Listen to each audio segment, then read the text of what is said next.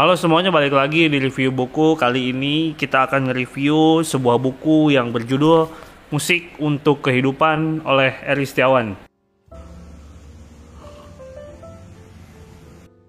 Di awal di sini uh, mengatakan bahwa uh, buku musik kehi untuk kehidupan ini merupakan pikiran subjektif seorang Eri Setiawan tentang bagaimana ia memaknai musik dan bagaimana sulitnya memaknai musik secara jujur. Di introduksi awal juga di sini dituliskan 32 keyakinan apabila musik memang untuk kehidupan. Seorang Eri Setiawan juga mengatakan bahwa industri musik kini tak lebih dari sekedar judi rating yang menghasilkan kenikmatan semu dan menjadi embrio dari kiamatnya industri musik Indonesia seperti halnya meningkatnya sepeda motor namun setiap hari korban di jalan berjatuhan. Kita dihantam teror setiap hari. Manunggaling kaula lan gusti lan musik. Manusianya hilang, musiknya tidak. Jadi jika kita bisa melakukan penilaian bagus atau jeleknya suatu sajian musik, maka musik berhubungan dengan unsur-unsur subjektif dan normatif yang ada pada diri manusia. Namun hal itu mesti ditakar dengan pemahaman objektif yang jadi satu-satunya cara untuk menakar seberapa jauh kita memahami musik tidak sekedar menikmatinya saja. Terkadang musik yang baik bukanlah musik yang menyenangkan, seperti contohnya obat, emosi pada diri manusialah yang mempertimbangkan keputusan atas musik yang diperdengarkan. Jadi emosi kita memang sangat terpengaruh akan musik yang kita dengarkan. Dan ketika kita bicara tentang musik, saya setuju bahwa musik selalu identik dengan ya subjektif gitu. Setiap orang yang mendengarkan sebuah musik dan menurutnya itu enak gitu atau e, terdengar sangat indah di telinganya, itu tidak semata-mata juga perasaannya dirasakan oleh orang lain. Kemudian pandangan berikutnya di sini ditulis yaitu seorang intelektual musik seharusnya bisa menjelaskan segala sesuatunya secara sederhana agar ilmu berfungsi bagi banyak orang dan tidak kontraproduktif bagi kebudayaan. Apabila musik itu kehidupan, maka beruntunglah kita yang selalu mendapat rezeki dari sana dalam bentuk apa saja. Literatur musik berbahasa Indonesia sepanjang 62 tahun itu sangat kurang kurangnya literasi musik ini yang berbahasa Indonesia, produktivitas kita di bidang pemikiran musik masih terbilang lemah. Makanya mungkin ini juga salah satu alasan seorang Eri Setiawan juga menjadi seorang uh, penulis uh, buku musik gitu.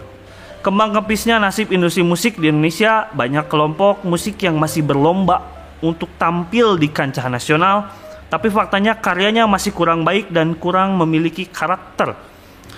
Jadi akhirnya melempem Pelajaran utama dari industri musik Indonesia saat ini adalah bagaimana menciptakan musik yang bagus. Itu selalu akan selalu menjadi pertanyaan uh, untuk setiap seniman atau mungkin musisi yang ada di Indonesia. Bagaimana menciptakan karya seni atau musik yang bagus.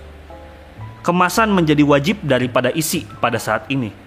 Masa depan industri musik Indonesia adalah ketika kita sudah bisa dengan seksama melihat potensi musik negeri dan punya pilihan tegas untuk tidak mengekor pada apa yang sebenarnya bukan milik kita. Idealisme di dalam bisnis itu derajatnya jauh lebih tinggi dibanding bisnis tanpa idealisme di semua bidang termasuk musik.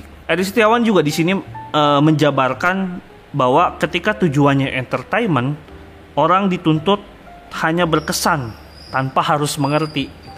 Jadi fungsi musik sebagai entertainment ini itu mengikis makna-makna dari musik itu sendiri. Jadi ketika sebuah karya musik hanya difungsikan sebagai uh, entertainment atau untuk menghibur, audiens ini tidak dituntut untuk mengerti sepenuhnya gitu. Mereka hanya paham bahwa musik ini menyenangkan dan musik ini indah gitu.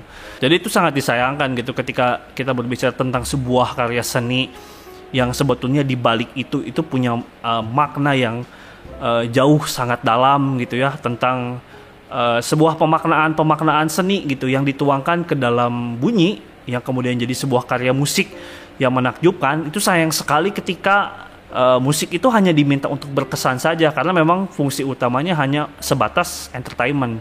Aris Setiawan mencoba uh, menganalogikan sebuah karya seni ke dalam sebuah struktur bangunan yang kurang lebih hampir sama. Musik adalah sama seperti kita melihat bangunan dan mencermati strukturnya satu persatu. Uh, beberapa elemen dipilih dan dicermati sebelum diputuskan untuk membangun. Baru setelahnya rangka demi rangka, organ demi organ, hingga nyawa demi nyawa disusun pelan-pelan. Bangunan bisa terjadi atas ruang, sementara musik terjadi atas waktu, maka keadaan musik selalu tidak menentu. Karena bunyi berjalan menuju ke sana. Ke persepsi, ke tafsir, dan puncaknya menghasilkan makna. Inilah yang dimaksud analogi bunyi. Waktu membuat bunyi ini ada. Jadi kalau tidak ada waktu ya berarti bunyi ini tidak ada gitu. Karena tolak ukurnya bunyi adalah waktu, satuannya adalah waktu. Kemudian musik lahir melalui abstraksi-abstraksi yang dilakukan oleh manusia dalam melakukan asosiasi terstruktur di atas waktu. Lalu ada pemahaman musikologi tentang ilmu yang membahas musik, baik dari sisi sejarah, teori maupun analisa. Jadi jika kita melihat sebuah peristiwa musik, juga sangat menarik untuk dibicarakan prosesnya, tentang apa, bagaimana, kenapa, dan seterusnya. Hal ini tujuannya untuk memberi jawaban atas rasa penasaran pendengar sekaligus apresiasi yang lebih sehingga selera berkembang menjadi wawasan dan ilmu. Itu yang paling penting. Ketika kita uh, mengapresiasi sebuah karya seni juga kita paham akan apa sih maksud dari sebuah karya seni ini. Jadi ketika kita berbicara tentang kajian musik secara harfiah itu baru hanya har, baru hanya kulitnya saja. Secara terminologi itu baru pori-porinya gitu. Secara etimologi itu baru genetiknya, kemudian yang paling mendalam yaitu tentang epistemologinya dari sebuah karya seni, yaitu berkaitan tentang filosofis dan jiwanya.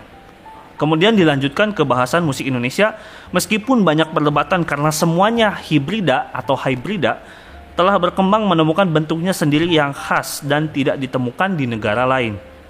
Musik adalah sandiwara, musik akan berbicara dengan sendirinya Pengelolaan strategi kebudayaan yang buruk mengakibatkan selera musik masyarakat terkesan rendah karena dihegemoni oleh orang-orang yang tak pernah memahami kekuatan musik.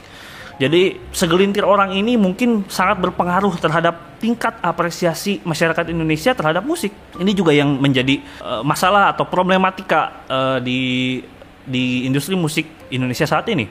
Seringkali seniman musik gatal karena budaya dianggap pariwisata, roh sejatinya hilang. Musik tak lebih sebagai produk yang dijual kepada turis, menisbikan sejarah dan nilai-nilai luhur.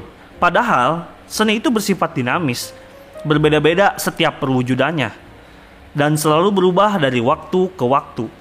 Kemudian seorang akademisi yang mengalami pembelajaran musik secara formal seharusnya bisa mendalami tiga aspek dan mengintegrasikannya. Pertama, seninya kita paham, pendidikannya kita menguasai, serta industrinya kita tangkap dan memiliki kepekaan dalam kadarnya yang pantas, bukan untuk menjadi pengikut arus.